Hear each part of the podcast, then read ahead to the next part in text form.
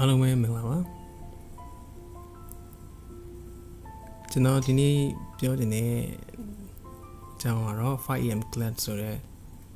ဒီစာအုပ်ထဲမှာပါတဲ့တချို့ချက်ကိုပြောချင်တာဖြစ်ပါတယ်ဒီစာအုပ်ကိုတော့ကျွန်တော်အစားဆုံးဖတ်တာလည်းမဟုတ်ပါဘူးအဲကချင်းချုပ်ထားတဲ့အကြောင်းတွေကိုပြန်ပြီးတော့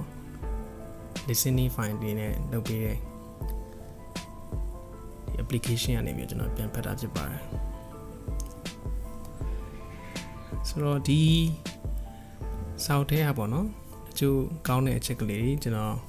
နည်းနည်းတော့ပြောချင်တာရှိပါတယ်သူရဲ့ရည်ရွယ်ချက်ကတော့ 5am club ဆိုတာမနေ့ကင်းနိုးလာတဲ့ချိန်မှာပေါ့နော်ကျွန်တော်တို့စောစောစီစီလုံးဆရာရှိတာတွေကိုကျွန်တော်တို့ဘယ်လိုမျိုးလုပ်မယ်ဆိုရင်ပိုပြီးထိအောင်မလဲဆိုတော့သူကရေးထားဖြစ်ပါတယ်ဒါတော့သူတို့ဘီလီယံနာ ချမ်းသာတဲ့သူတွေကသူတို့တွေဘယ်လိုမျိုးလုပ်တင်နေဆိုတော့အကြောင်းတွေဖြစ်တဲ့အတွက်ကျွန်တော်တို့တာမန်လူတွေအတွက်ဆိုရင်တကယ်လှုပ်တဲ့ခါထိအောင်မလားမထိအောင်ဆိုတော့နည်းနည်းလေးကောက်ကိုစင်ကျင်စရာတော့ရှိပါတယ်ဘာလို့လဲဆိုတော့သူတို့အမြင်ပြောပုံရတော့သူတို့ကအရန်ကို dynamic ဖြစ်တဲ့ဖွဲ့စည်းတဲ့မှာစီးပွားရေးနဲ့ပတ်သက်ပြီးတော့ မြင်းနဲ့နေ့စဉ်နေ့စဉ်ဆုံးဖြတ်ချက်တွေအများကြီးလုပ်ရတဲ့သူတွေအတွက်တော့ဗောနော်လူကလူအပ်ချက်တွေမရှိတဲ့အတွက်သူတို့ကဒါကိုပံ့ပိုးထားတဲ့စာအနေနဲ့သူရေးတာဖြစ်ပါတယ်ဒါပေမဲ့ကျွန်တော်ဒီတည်းကအချို့ကောင်းတဲ့ချက်လေးတွေတော့နည်းနည်းပြောချင်တာဖြစ်ပါတယ်ပထမကျတော့အာလူတွေနဲ့ပေါ့နော်ချိန်ကုံနာများလေလေကိုယ့်ရဲ့တမိုးရှိတဲ့အချိန်ကြီးဆုံးရှုံးနေစားသူရေးထားဖြစ်ပါတယ် ဒါတော့ကျွန်တော်တို့ဒီကိုယ့်ရဲ့ personally ပေါ့နော်တယောက်တည်းစူးစူးဆိုင်ဆိုင်နဲ့လုပ်ရတဲ့အရာတွေကအရန်များတဲ့အတွက်ကျွန်တော်တို့ရဲ့အခြေအနေကိုမိမိကိုယ့်ဘာသာပေါ့နော်ဘယ်လိုမျိုးတိုးတက်အောင်လုပ်မလဲဆိုတဲ့နေရာမှာပို့ပြီးတော့တုံးရမယ်ဆိုတာကိုသူကတတိချက်ခိုင်းတဲ့သဘောပါအဲဒုတိယတစ်ချက်ရေးထားတာကကြတော့တကယ်တမ်း ကျော်ဝမဲ့ချမ်းသာမှုဆိုတာပေါ့နော်ဒီတခြားသူတွေဘဝကိုမြင့်တင်ခြင်းကြောင့်လဲကျွန်တော်တို့ဘဝတွေပိုပြည့်စုံနိုင်တယ်ဆိုတော့သိဖို့လိုတယ်တဲ့ဒါကဘာကိုပြောချင်တာလဲဆိုတော့ဟိုဥမာအဖြစ်ကျွန်တော်က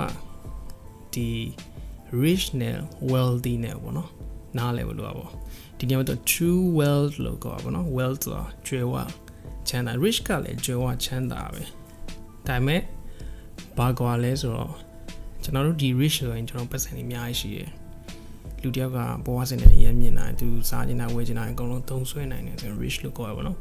wealthy ဖြစ်တယ်ဆိုတာကြတော့သူကဒါနဲ့မရတော့သူစိတ်ပိုင်းဆိုင်ရာစိတ်ချမ်းသာနေရမယ်အရန်ကိုသူကဟိုတချို့တွေဆိုတော့လူကြီးလူငယ်များတဲ့အနေထားတွေနောက်ပြီးတော့သူအများကြီးလည်းသူအများကြီးလောက်ထားရတယ်ပေါ့နော်ကျွန်တော်မြန်မာပြည်မှာလည်းဥစော်စော်လာမသိဘူးအဲ့လိုမျိုး လူတကားပေါ့နော်သူလေးလေးစားစားလည်းရှိရယ်ဒီလိုမျိုးသူအလူတန်းလိုက်လည်းတွေ့ရတယ်ဆိုတော့ဒါဥစော်စော်လို့ပေါ့နော်ဒါတော့ဒါကျွန်တော်မျိုးလုံးထဲမှာ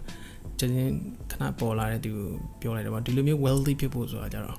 rich dad ပို့ပြီးတော့တာတယ်ပေါ့နော်ဒါဟုတ်တော့ပြောထားအဲ့ဒီချက်နှစ်ချက်ကပေါ့နော်ရေးကြည့်ရပေါ့ဒါကြောင့်သူကကိုကိုဟို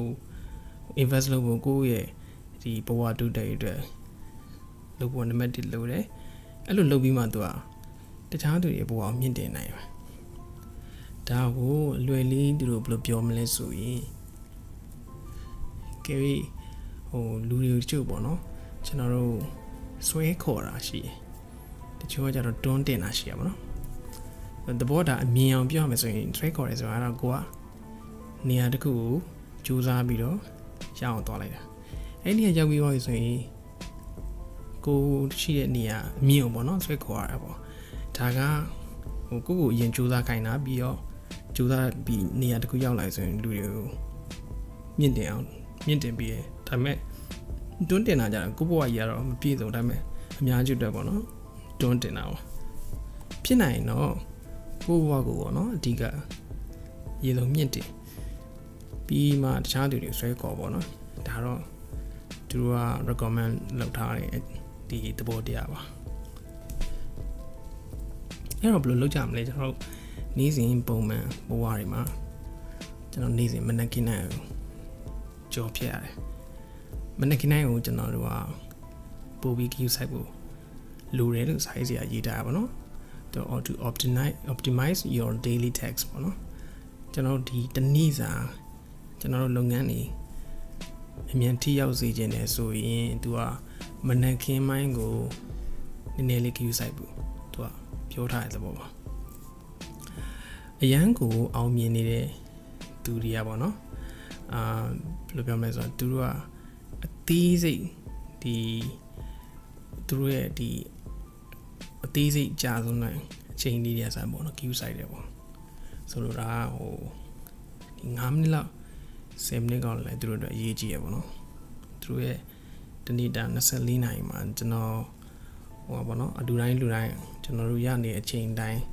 သူတို့ကရရဲဆိုမဲ့သူတို့မှလောက်စရာလောက်ရများတော့9မိနစ်ကလည်း9မိနစ်10မိနစ်ကလည်း10မိနစ်အရန်တိတာဒါကြောင့်သူတို့ကအရန် queue site ရတယ်ပြောပါဘောနော်နောက်ပြီးတော့တာမန်လူတွေကပေါ့နော်အာသူတို့ရဲ့ဒီအချိန်ကြီးကိုရင်းနှီးရခါကြရင်သူတို့ရဲ့ဒီအောင်မြင်မှုတွေဟာအချိန်တိုင်းသွားပေါ့ ကျွန်တော် graph ရဆိုရင်တို့အချိန်ကြီးတစ်နှစ်လောက်လုံးလုံးတဲ့အခါမှာရလာမယ်ပတ်စံနဲ့9နှစ်လောက်လုံးလုံးရမယ်ပတ်စံ9ဆပေါ့နော်ဒါပေမဲ့အချိန်ကိုတီးစီ queue site လာပြီဆိုရင်တော့ကိုယ့်ရဲ့ reward ပေါ့နော်ကျွန်တော်တို့ရနိုင်တဲ့အခွင့်အရေးတွေဝင်ငွေတွေကပိုပြီးတော့အစာပုံများစွာတိုးတက်လာနိုင်တယ်ပေါ့ graph ကအဲ့လိုမျိုးအချိုးညီရဲ့အမြောက်ပုံစံနဲ့မသွားတော့ဘဲနဲ့ကျွန်တော်တို့ကအချိန်ကြီးကြိုးကြီးအသုံးချပြီးတော့ စီမံခန့်ခွဲနိုင်လာတဲ့မြတစ်နှစ်မှာထားတော့အော်မြန်မာသိန်း50တရားရတဲ့သူကနှစ်နှစ်မှာနှစ်နှစ်မြောက်ရုံနဲ့မရတော့သုံးနှစ်မြောက်တာမျိုးရနိုင်တဲ့အဆင့်ဒီဖြစ်သွားနိုင်တယ်ပေါ့နော်နောက်တစ်ခုရေးထားတာကကြတော့ကျွန်တော်တို့ကအိမ်မက်တွေကိုမက်တဲ့ခါမှာပေါ့နော်ဒီအိမ်မက်တွေကိုနည်းနည်းလေးရေးရေးရင်းနဲ့မတ်ဖို့လိုပါတယ်တဲ့နောက်ပြီးတော့ကျွန်တော်တို့ရဲ့ဒီစွမ်းရည်တွေပေါ့နော် အာကျွန်တော်တို့ရဲ့ဒီစွမ်းရည်တွေကိုအမြဲတမ်းသုံးသပ်ဖို့လိုရပေါ့ဘာဖြစ်လဲဆိုတော့ဒီဒီနေရာမှာသူက ability လို့ခေါ်တဲ့ဒီစွမ်းရည်ကဟောပါတော့တခုတည်းကအလုံးမဖြစ်ဘူးသူစွမ်းရည်ကသုံးသပ်တယ်ဆိုတာဥမာ ability ကလူတွေကဒီကောင်လေးညံကောင်းတယ်သူကစားတော်တယ်အရန်ကျူဒီအရန်ကိုတည်ပါ bright ဖြစ်တယ်အရန် smart ဖြစ်တယ်ဆိုတာတွေက ability ပေါ့နော်သူစွမ်းရည်နောက်တစ်ခုကကြတော့ effort ပေါ့နော် effort ဆိုတာကြတော့ သူအားထုတ်မှုပေါ့နော်တကယ် ability ကဟိုလူတွေကမတူဘူးဒါပေမဲ့ဒီ ability ကိုအရေးမရေးမဆိုင်ပဲနဲ့ ability ကိုကျွန်တော်သုံးသပ်ဖို့လိုတယ်ဒါပေမဲ့အရေးဆိုင်စရာမလိုပဲနဲ့ effort ကိုပို့ပြီးအလေးပေးဖို့လိုရပေါ့ကျွန်တော်တို့မှာကျွန်တော်တို့ခန္ဓာကိုယ်ဒီဆောက်ရင်ကျွန်တော်တို့နေတိုင်းပြည့်မယ်ဆိုရင်ကျွန်တော်တို့ရဲ့ ability ကပြီးနိုင်တယ်ဆိုတဲ့အဆင့်ရောက်ပြီ တချို့ကမပြီးနိုင်ကျမ်းမာရေးကြောင့်တော့လည်းကောင်းအဲ့လိုမပြီးနိုင်ဆိုတော့ ability ကဒီမှာဆုံးဖြတ်ပေးလိုက်တယ်သုံးသပ်ပေးလိုက်တယ်မင်းကပြီးနိုင်တယ်မပြီးနိုင်ဟိုအဲ့အနေထားကိုကကြော်ဖြတ်နိုင်တယ်ကိုကတကယ်ကိုတမ်းမှကျမ်းမှတန်ဆန်းတဲ့လူတယောက်ဆိုရင်ကျွန်တော်ရဲ့ ability ရရှိပြီးပါပြီဘာလို့လဲဆိုတော့ effort အရေးကြီးပါပြီအားထုတ်မှုပေါ့နော်အဲ့ကြောင့်ကျွန်တော်က ability ကပထမပနာမအဆင့်မှာပဲရှိတယ်ပေါ့နော် တကယ်တမ်းကအဆုံးဖြတ်ပေးတာ effort ပေါ့ဒါကိုပြောတာပေါ့နော်အဲ့တော့ကျွန်တော်ကကျွန်တော်ခန္ဓာကိုကျွန်တော်ရဲ့နေ့စဉ်လူတိုင်းပေါ့နော်အဓိကခုနလိုတိုးတက်အောင်ကျွန်တော်တို့ရဲ့ခုန ability ကိုပဲပြန်ကြည့်မယ်ပေါ့နော် ability မှာ ability ကဘာလဲဆိုကျွန်တော်တို့ရဲ့ဒီ report card လို့ပေါ့နော်ကျွန်တော်ရဲ့ဟို checklist တခုလိုပဲကျွန်တော်ဒီချက်တွေပါလား C A L Y ကားမှာကြည့်ရတယ်လို့မျိုးသူက ကျွန်တော်ရဲ့လူတိုင်းမှာပေါ့နော်ကြည့်ရမယ့်ချက်က၄ချက်ရှိရပေါ့ဘာလဲဆိုရင်နံပါတ်1က mindset နံပါတ်2ကကြတော့ heart set နံပါတ်3က soul set နံပါတ်4ကကြတော့ health set ပေါ့နော်ဒီလေးကိုသူရေးတာပေါ့နော် okay အဲ့ဒီမှာကျွန်တော်တို့ပထမပြောတဲ့ဟာပါလဲဆိုရင် mindset ပေါ့နော်ဆိုတော့ mindset ကကျွန်တော်ဘယ်လိုခေါ်လဲဆိုရင် ကျွန်တော် psychology လို့ခေါ်တာပေါ့ဘာဖြစ်လဲဆိုတော့ဒီ mindset ကကျွန်တော်တို့ရဲ့သဘောတရားစိတ်တို့စိတ်နေစိတ်ထားကိုပြောရဖြစ်လို့အာကျွန်တော်ရဲ့စိတ်ပိုင်းဆိုင်ရာအာဒီလူဟာအာစိတ်ဓာတ်မှန်တယ်မမှန်ဘူးဒါတွေကိုဆုံးပြတာပေါ့ဒီ mindset ကိုကျွန်တော်တို့နည်းနည်း cue ဆက်ရမှာကျွန်တော်တို့ကကိစ္စတွေကိုသုံးသပ်တဲ့အခါမှာကျွန်တော်တို့ရဲ့နားလည်နိုင်မှုတွေကလည်းဒီ mindset နဲ့ဆိုင်တော့ ကျွန်တော်ရဲ့သဘောထားတွေဒါနဲ့ဆိုင်တယ်လူ9ယောက်ကိုကျွန်တော်တို့ကအလုပ်တစ်ခုခိုင်းလိုက်တဲ့အခါမှာအဲ့ဒီကလူ2ယောက်လောက်ကလုံလုံးမလုပ်ချင်ဘူးဆိုရင်သူတို့ mindset ကအလုပ်ပေါ်မှာသူကအလုပ်ပေါ်မှာ work ethic တော့သူထားတဲ့ပုံစံမမှန်ဘူးပေါ့ကျန်တဲ့နှစ်ယောက်ကတော့ငါတို့ရအောင်လုပ်မယ်အဲ့လိုမျိုးထားရဲဆိုတော့ဒါလူတိုင်းရဲ့ mindset တွေကွာသွားတော့ပြောပါဆိုတော့ mindset ကနံပါတ်1ပေါ့နော် ဒုတိယတစ်ခုကကြတော့ကျွန်တော်က comfort zone ကိုကြော်ဖြတ်ရမယ်ဒါပေမဲ့ကျွန်တော်မှခက်ခဲရှိရခုန hard set ဆိုတာကကျွန်တော်တို့ emotion ကိုပြောအောင်နော်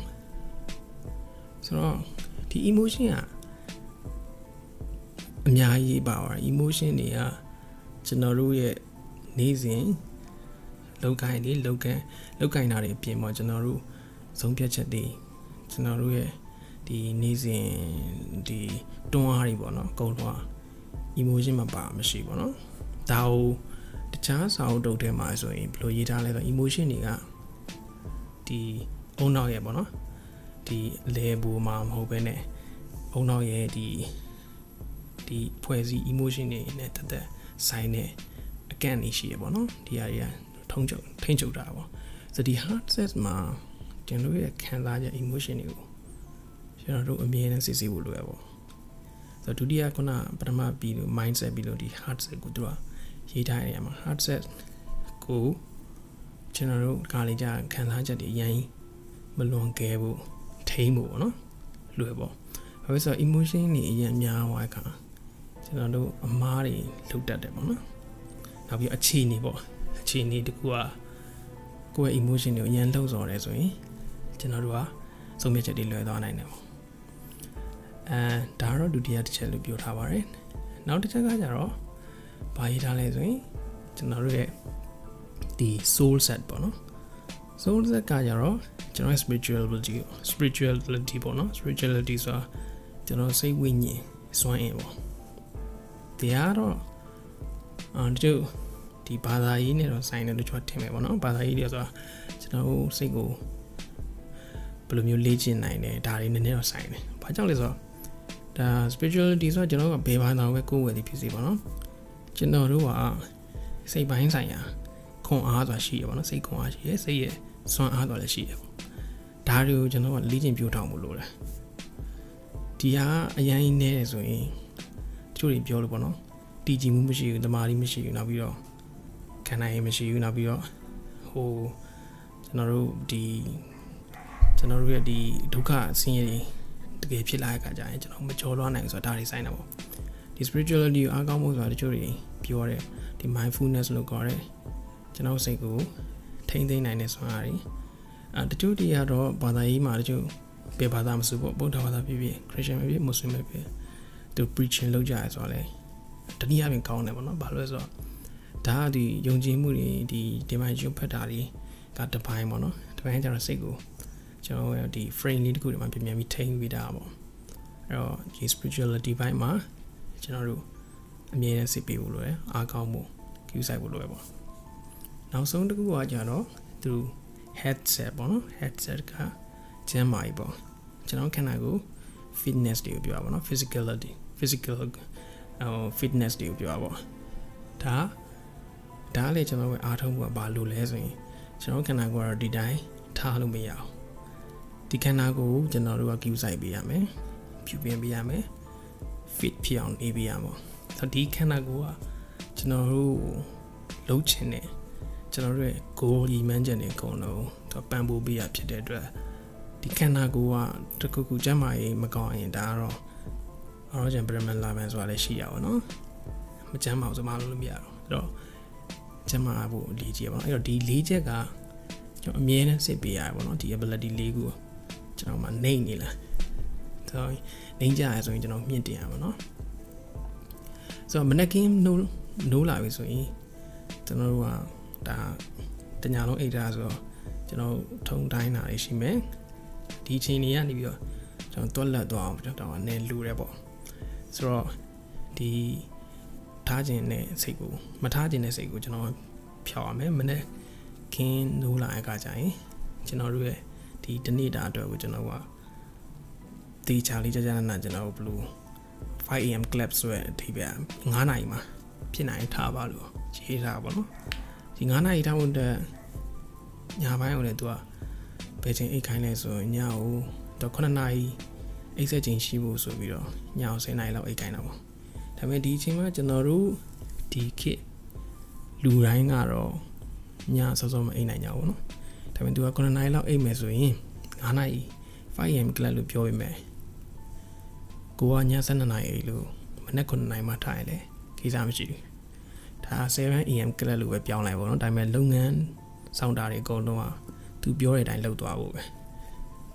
မနေ့ကမှကျွန်တော်တို့နိုးလာပြီဆိုရင်ကျွန်တော်ရဲ့ဒီလေးပင်ရဲ့ခန္ဓာကိုယ်ဒီအကုန်လုံးတွက်လောက်လုပ်ဖို့လွယ်ပေါ့နော်အဲ့ဒါကို तू က ဘာနဲ့ဒီ formula တခုပေးထားတယ်ပေါ့အဲ့ formula က20 20 20 formula ဆိုတော့20 20 formula ကဘာရေးထားလဲဆိုတော့ productivity performance health ပေါ့နော်ဆိုတော့ဒီကျွန်တော်တို့ဒီပထမ prosper productivity လို့ခေါ်တာပထမဆုံးကျွန်တော်တို့ရဲ့မိနစ်20တနာယူအပိုင်းပိုင်းလိုက်တော့မိနစ်20သုံးခုဖြစ်သွားတယ်ပေါ့နော်ဆိုကိုနိုးလာပြီဆိုရင်မိနစ် 20ကိုကျွန်တော်တို့ရဲ့ productivity တက်ပါလုပ်လဲဆိုရင်ကျွန်တော်တို့ကလေ့ကျင့်ခန်းတွေတခုလုပ်ရမယ်ခဏကိုဟောပေါ့ကျွန်တော်တို့လှုပ်ရှားမှုတွေလုပ်ရမယ်ဟိုပြင်းပြင်းကြီးဖြစ်နေတဲ့ခန္ဓာကိုတော်တော်လွတ်ဖြစ်အောင်ဖြစ်နိုင်တော့ချွေးလေးပါလေးစိုးတော့အောင်လုပ်လိုက်ပေါ့နော်အဲ့လိုမျိုးအဲ့ပထမမိနစ်20က stretching တွေလုပ်ရမယ်ကြောတွေရှောင်းလည်းရှောင်းရမယ်ပြီးရင်ကျွန်တော်တို့လုံးဝမဲ့ကိစ္စမဟုတ်ပဲねကျွန်တော်ခန္ဓာကိုယ်တော့ပြင်ဆင်တဲ့သဘောပေါ့တော့ သူက preparation လို့လည်းခေါ်တာပေါ့နော်အဲဒါကိုသူကလည်း prosperity လို့လည်းခေါ်တာပေါ့နော်ဘာလို့လဲဆိုတော့တကယ်ကျွန်တော်တို့ရဲ့ခန္ဓာကိုယ်ကနေပြီးတော့ကျွန်တော်တို့အဲ့မိနစ်20အတွင်းမှာအကေဘိုက်စာအနေနဲ့နည်းနည်းနွားနို့လေးပါလေးတောက်စားပေါ့နော်ဒီအကျော်လျှော့တရားကြီးရလျှော့ပြီးရင်နည်းနည်းလေးချွေးဆိုအောင်လုပ်နိုင်လဲလုပ်ထောက်ပြောဒါမိနစ်20မှာစလုပ်တာအဲပြီးသွားပြီဆိုရင်ဒုတိယမိနစ်20ပေါ့နော်မိနစ်20ကကြတော့ ဒီ prosper perform performance ကိုကျွန်တော်တို့ကတင်တော့မယ်ဆိုရင်ဒီချိန်မှာကျကျွန်တော်တို့ကဒုတိယမိနစ်20မှာကျွန်တော်တို့ရဲ့စိတ်ကိုဟောပေါ့နော်ဘယ်လိုပြောမလဲဆိုစူးစီးမှုတွေထားမယ်အဲ့ဒီချိန်မှာကျွန်တော်တို့ကညီညီတက်တက်နေရမှာဥမာရေချိုးလိုက်မယ်အဲ့ဒီချိန်တိုင်းရေချိုးတဲ့အချိန်မှာပဲကျွန်တော်တို့ focus တွေကိုစူးစီးမယ်ကျွန်တော်တို့ရဲ့ဘာလုပ်မယ်ငါဘာလုပ်မယ်အခုဘာပြီးအောင်လုပ်မယ်ဆိုရဲ ဟိုပါဘောနော်ကီသွင်းတဲ့သဘောပေါ့ဒီမိနစ်20မှာပြီးတော့အဲ့ချိန်မှာတချို့တွေကအဲယူဖက်ယူဖက်တယ်ပေါ့တချို့ကကြတော့ preaching လုပ်တာတွေလုပ်လို့ရတယ် preaching လုပ်တာရှိမယ်ဥပမာဘုရားသာရွတ်တယ်ပဋ္ဌာန်းရွတ်တယ်အဲမိနစ်20မှာလုပ်လိုက်ဟိုရင် mindfulness ပေါ့နော်ဝင်လေထွက်လေလေးမှတ်မယ်အသက်လေးဖြည်းဖြည်းချင်းရှူမယ်ဖြည်းဖြည်းချင်းထုံးမယ်အဲကွာကိုစိတ်ကလေးကိုတည်ငြိမ်အောင်ထားမယ်ဟို calm ပေါ့နော်ကဲဖြစ်နိုင်တဲ့ချင်းလုံးဝဟိုတ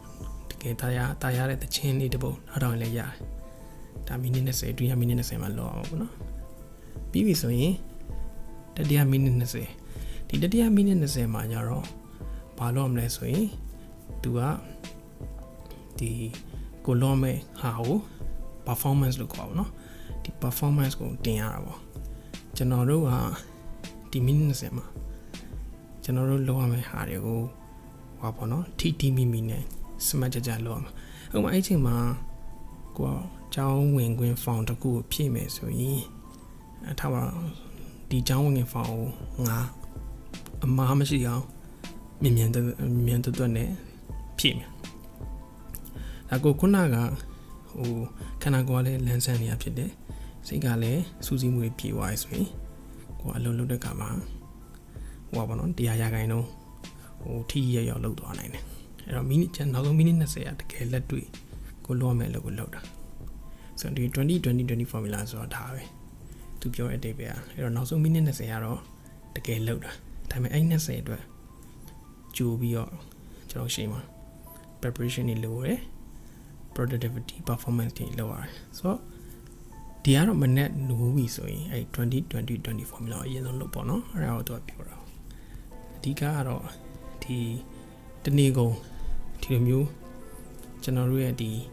ဆွမ်းဆောင်ရည်တွေအကုန်လုံးကိုအစာဦးပိုင်းကတည်းကဒီလိုမျိုးလေးနဲ့စားပဲဆိုရင်တနေ့ကုန်လုပ်သမျှတွေချောမွေ့မှာဘာလို့ဆိုတော့ဒီကျွန်တော်တို့ဘာပဲလုပ်လို့ပေါ့နော်အစာရေးကြည့်ရပါသေးတယ်အဲ့တော့အစာကောင်းရင်အနှောင်းတည်ကြတယ်သဘောပါပဲဒီနေရာမှာနောက်ထပ်သူရေးထားတဲ့အဓိကအချက်ကပါနော်တချို့တွေကဒီကိုယ့်ရဲ့ လုံနိုင်တဲ့စွမ်းရည်အပြည့်ပေါ့နော်သူကမလုံတဲ့အတွက်သူကဒီအလုပ်တွေမပြီးဘူးပေါ့နော်ဒါကြောင့်သူကဘာကြံပေးထားလဲဆိုတော့ high excellent cycle လို့ခေါ်တဲ့ HEC နဲ့ deep refueling cycle လို့ခေါ်တဲ့ DRC ပေါ့နော်အဲ့ဒီစနစ်နှစ်ခုနားလည်ဖို့ပြောထားပါ high excellent cycle ကကြတော့သူကအော်ကိုကအလုံးလုံးတဲ့ကမှာ excellence လို့ခေါ်တယ် ကိုအရေးသွေးအပြည့်ဝနဲ့လုံနိုင်တာကိုကိုကအမြဲတမ်း queue site ဖို့လိုတယ်ဒါဥမာများကျွန်တော်တို့ကဘာကြော်ဘောလုံးသမားတွေကမိနစ်90ပဲသူဘောလုံးကန်တယ်ဒါပေမဲ့ဒီကောင်နဲ့တန်းချီရတယ်ဒါဘာလဲဆိုတော့သူတို့ high excellence cycle ကိုကဒီမိနစ်90ပဲသူတို့တော့ကျန်တဲ့အချိန်ကကျတော့ deep refueling cycle refuel ဆိုတော့ energy ကိုပြန်ပြီးတော့အားကိုပြန်ဖြည့်တာအဲ့ဒီချိန်မှာသူတို့ကလေ့ကျင့်ခန်းကြီးပြန်လုပ်တယ် သူတို့ရဲ့ဒီခွန်အားတွေပြန်ပြီးစုဆောင်တယ်နောက်ပွဲတစ်ပွဲတော့သူတို့ပြင်ဆင်တယ်ပြီးတော့သူတို့အရေးသွေးတွေကိုမြင်ဖို့ကြိုးစားတယ်ဟုတ်မလားအဲ့လိုမျိုးတွေအကုန်လုံး deep refueling cycle ပေါ့အဲ့တော့ဒီနှစ်ခုကိုနားလည်ဖို့လိုတယ်ပေါ့နော်ဆိုတော့ကိုက excellence အပြည့်နဲ့မတော်နိုင်တော့အလုပ်တွေကပြီးမှပြန်မှာမဟုတ်ဘူးပြီးတော့ကိုလိုချင်တဲ့ target ကိုလွယ်လွယ်ရောက်မှာပေါ့အဲ့တော့နားစရာရှိရနားပြောစရာပါစရာရှိရပြောစရာပါစရာရှိရသွား လုံးဝမဲ့အချိန်မှာတော့ထီထီမိမိလို့အဲ့တဘောပေါ့အမေရိကန်မှာရှိတဲ့တချို့ကျောင်းတက်နေဒီကျောင်းသားတွေဒီ university မှာကိန်းသူတို့စာမွေးတွေ tutorial တွေညဲသူတို့ရှိတယ်ဒါပေမဲ့သူတို့ညဆိုရင်ကလပ်တွေပါသွားနေတယ်ဆိုတော့သူတို့လုံကားမဲ့အချိန်မှာသူတို့အပြည့်ပြက်လောက်တော့အဲ့လိုမျိုးလုံမဲ့စူးစမ်းမယ်ဆိုရင်ကိုနားမဲ့အချိန်မှာလည်းအပြည့်ဝနာမယ်ဒါမှသူကအဲ့နှစ်ခုကဒီတလဲစီလဲပတ်သွားရင်အရန်ကိုထိရောက်တယ်ပေါ့နော်မဟုတ်ရင်အလုပ်လည်းမပြီးဘူး ကောင်းလည်းဟိုမနာဘူးပေါ့နော်အဲ့လိုဖြစ်တာပေါ့ဆိုတော့ဒါပြောရင် HEC နဲ့ DRC ပေါ့နော်အဲ့နှစ်ခုဆိုတော့ဒီနောက်ဆုံးအကျဉ်းချုပ်ရင်တော့ပေါ့နော်ဒီဟာဒီစာအုပ်ကတော့ဒါဝယ်ပြီးတော့အကုန်လုံးဖတ်နိုင်တဲ့သူတွေခေါင်းပါတယ်ဒါပေမဲ့အဲကျွန်တော်ကတော့ကျွန်တော်ဆိုရင်လည်းအချိန်သိမ့်မရှိတော့ဒီလိုတိုလေးတွေကိုပဲကျွန်တော်ပြင်ပြန်ပြီးတော့သူတို့စီကဟိုနားထောင်နေပေါ့နော်နားထောင်တော့သူတို့ ဒီအကောင့်နဲ့ချက်လေးပေါ့နော်ကျွန်တော်ဒီ essence လို့ခေါ်တဲ့အနှစ်သာရလေးကျွန်တော်ပြင်ပြန်ပြီးတော့အချိန်တူတူနဲ့ရပါပေါ့အဲ့တော့ဒီစာအုပ်မှာနောက်ဆုံးအချုံလိုက်တော့တော့ကိုယ့်မနခင်နိုင်ကိုစွမ်းအားပြီးအောင်ကိုယ်ဖန်တီးပါပြီးတော့အဲ့ဒါနေပြီးတော့နေ့တနေ့တာကိုနေ့တနေ့တာမှာရမယ်ရလက်တင်အကုန်လုံးကိုမြင့်တင်ပါဒီမှာဒီနေ့တနေ့မှာပြီးရမယ့်ကိစ္စတွေဆိုရင်ဟိုရာခိုင်နှုန်းများများပေါ့နော်ကျွ န်တော်ဒီနေ့ပြီးတင်နေကိုယ်သိတာပေါ့ဒီနေ့မှာထိုင်ထိုင်ထိုင်ပြီးရမယ်ဆိုရင်ရာခိုင်နှုန်းအများစုပြီးမယ်ဆိုရင်ဒါဒီတနေ့ကအကျိုးရှိတယ်ပေါ့နော်အဲဒါကြောင့်မနက်ခင်းမှာအဲ့လိုမျိုးလေးစီစဉ်ပြီးလုပ်မယ်ဆိုရင်ကျွန်တော်တို့အချင်းပြစ်သွားမယ်ဆိုရင်ကျွန်တော်အလွန်လုံးတဲ့နေရာမှာလည်းဒီလိုမျိုးပုံသေးလေးတဖြည်းဖြည်းအချင်းရသွားပြီဆိုရင်ပို့ပြီးထိအောင်မယ်ပေါ့နော်အဲ့ဒါကိုပြောနောက်တစ်ခုကကြတော့နောက်ဆုံးကအဲ့အိတ်ဖို့နော်ကျွန်တော်တို့ 5am ကလေးလိုစာကရေးတာဆိုတော့တဲ့သူကစောစောတော့အိတ်ခိုင်းတာပါဘာဆိုမနက်ခင်းနိုးတဲ့ကမှနိုး9နာရီလောက်မှဆိုရင်နေထွက်တာမြင်ရတယ်ပေါ့နော်ဒီရှင်ကလည်းကိုဟိုစိတ်ပိုင်းဆိုင်ရပါတော့နိုးကြမှုရယ်လန်းဆန်းမှု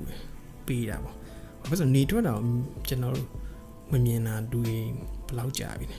တချို့ဆိုရင်နှစ်နဲ့ချိန်ပြီးနေထွက်တာမတွေ့တော့ဘူးဆိုတော့သူကညဆိုဟုတ်ကြပါပြီကျွန်တော်တို့လည်း ကားလေးလိုပဲပေါ့နော်အဲ့တော့နေထွက်တာလေးဒါကိုကမိရဲဆိုရင်အဲ့ဒီတနေ့ကိုတကယ်ဟိုလန်းလန်းဆန်းဆန်းလေးနဲ့တာယာတဲ့မြင်ကွေးလေးနဲ့စတယ်ပေါ့နော်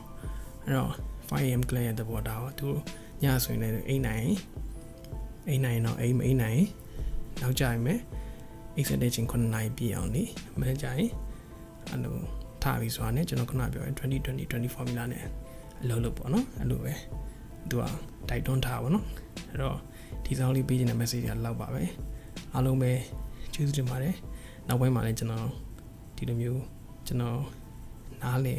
မိဖတ်မိတဲ့ဟာလေးတွေပြန်လည်ဝေမျှပါမယ်အားလုံးပဲကျေးဇူးတင်ပါတယ်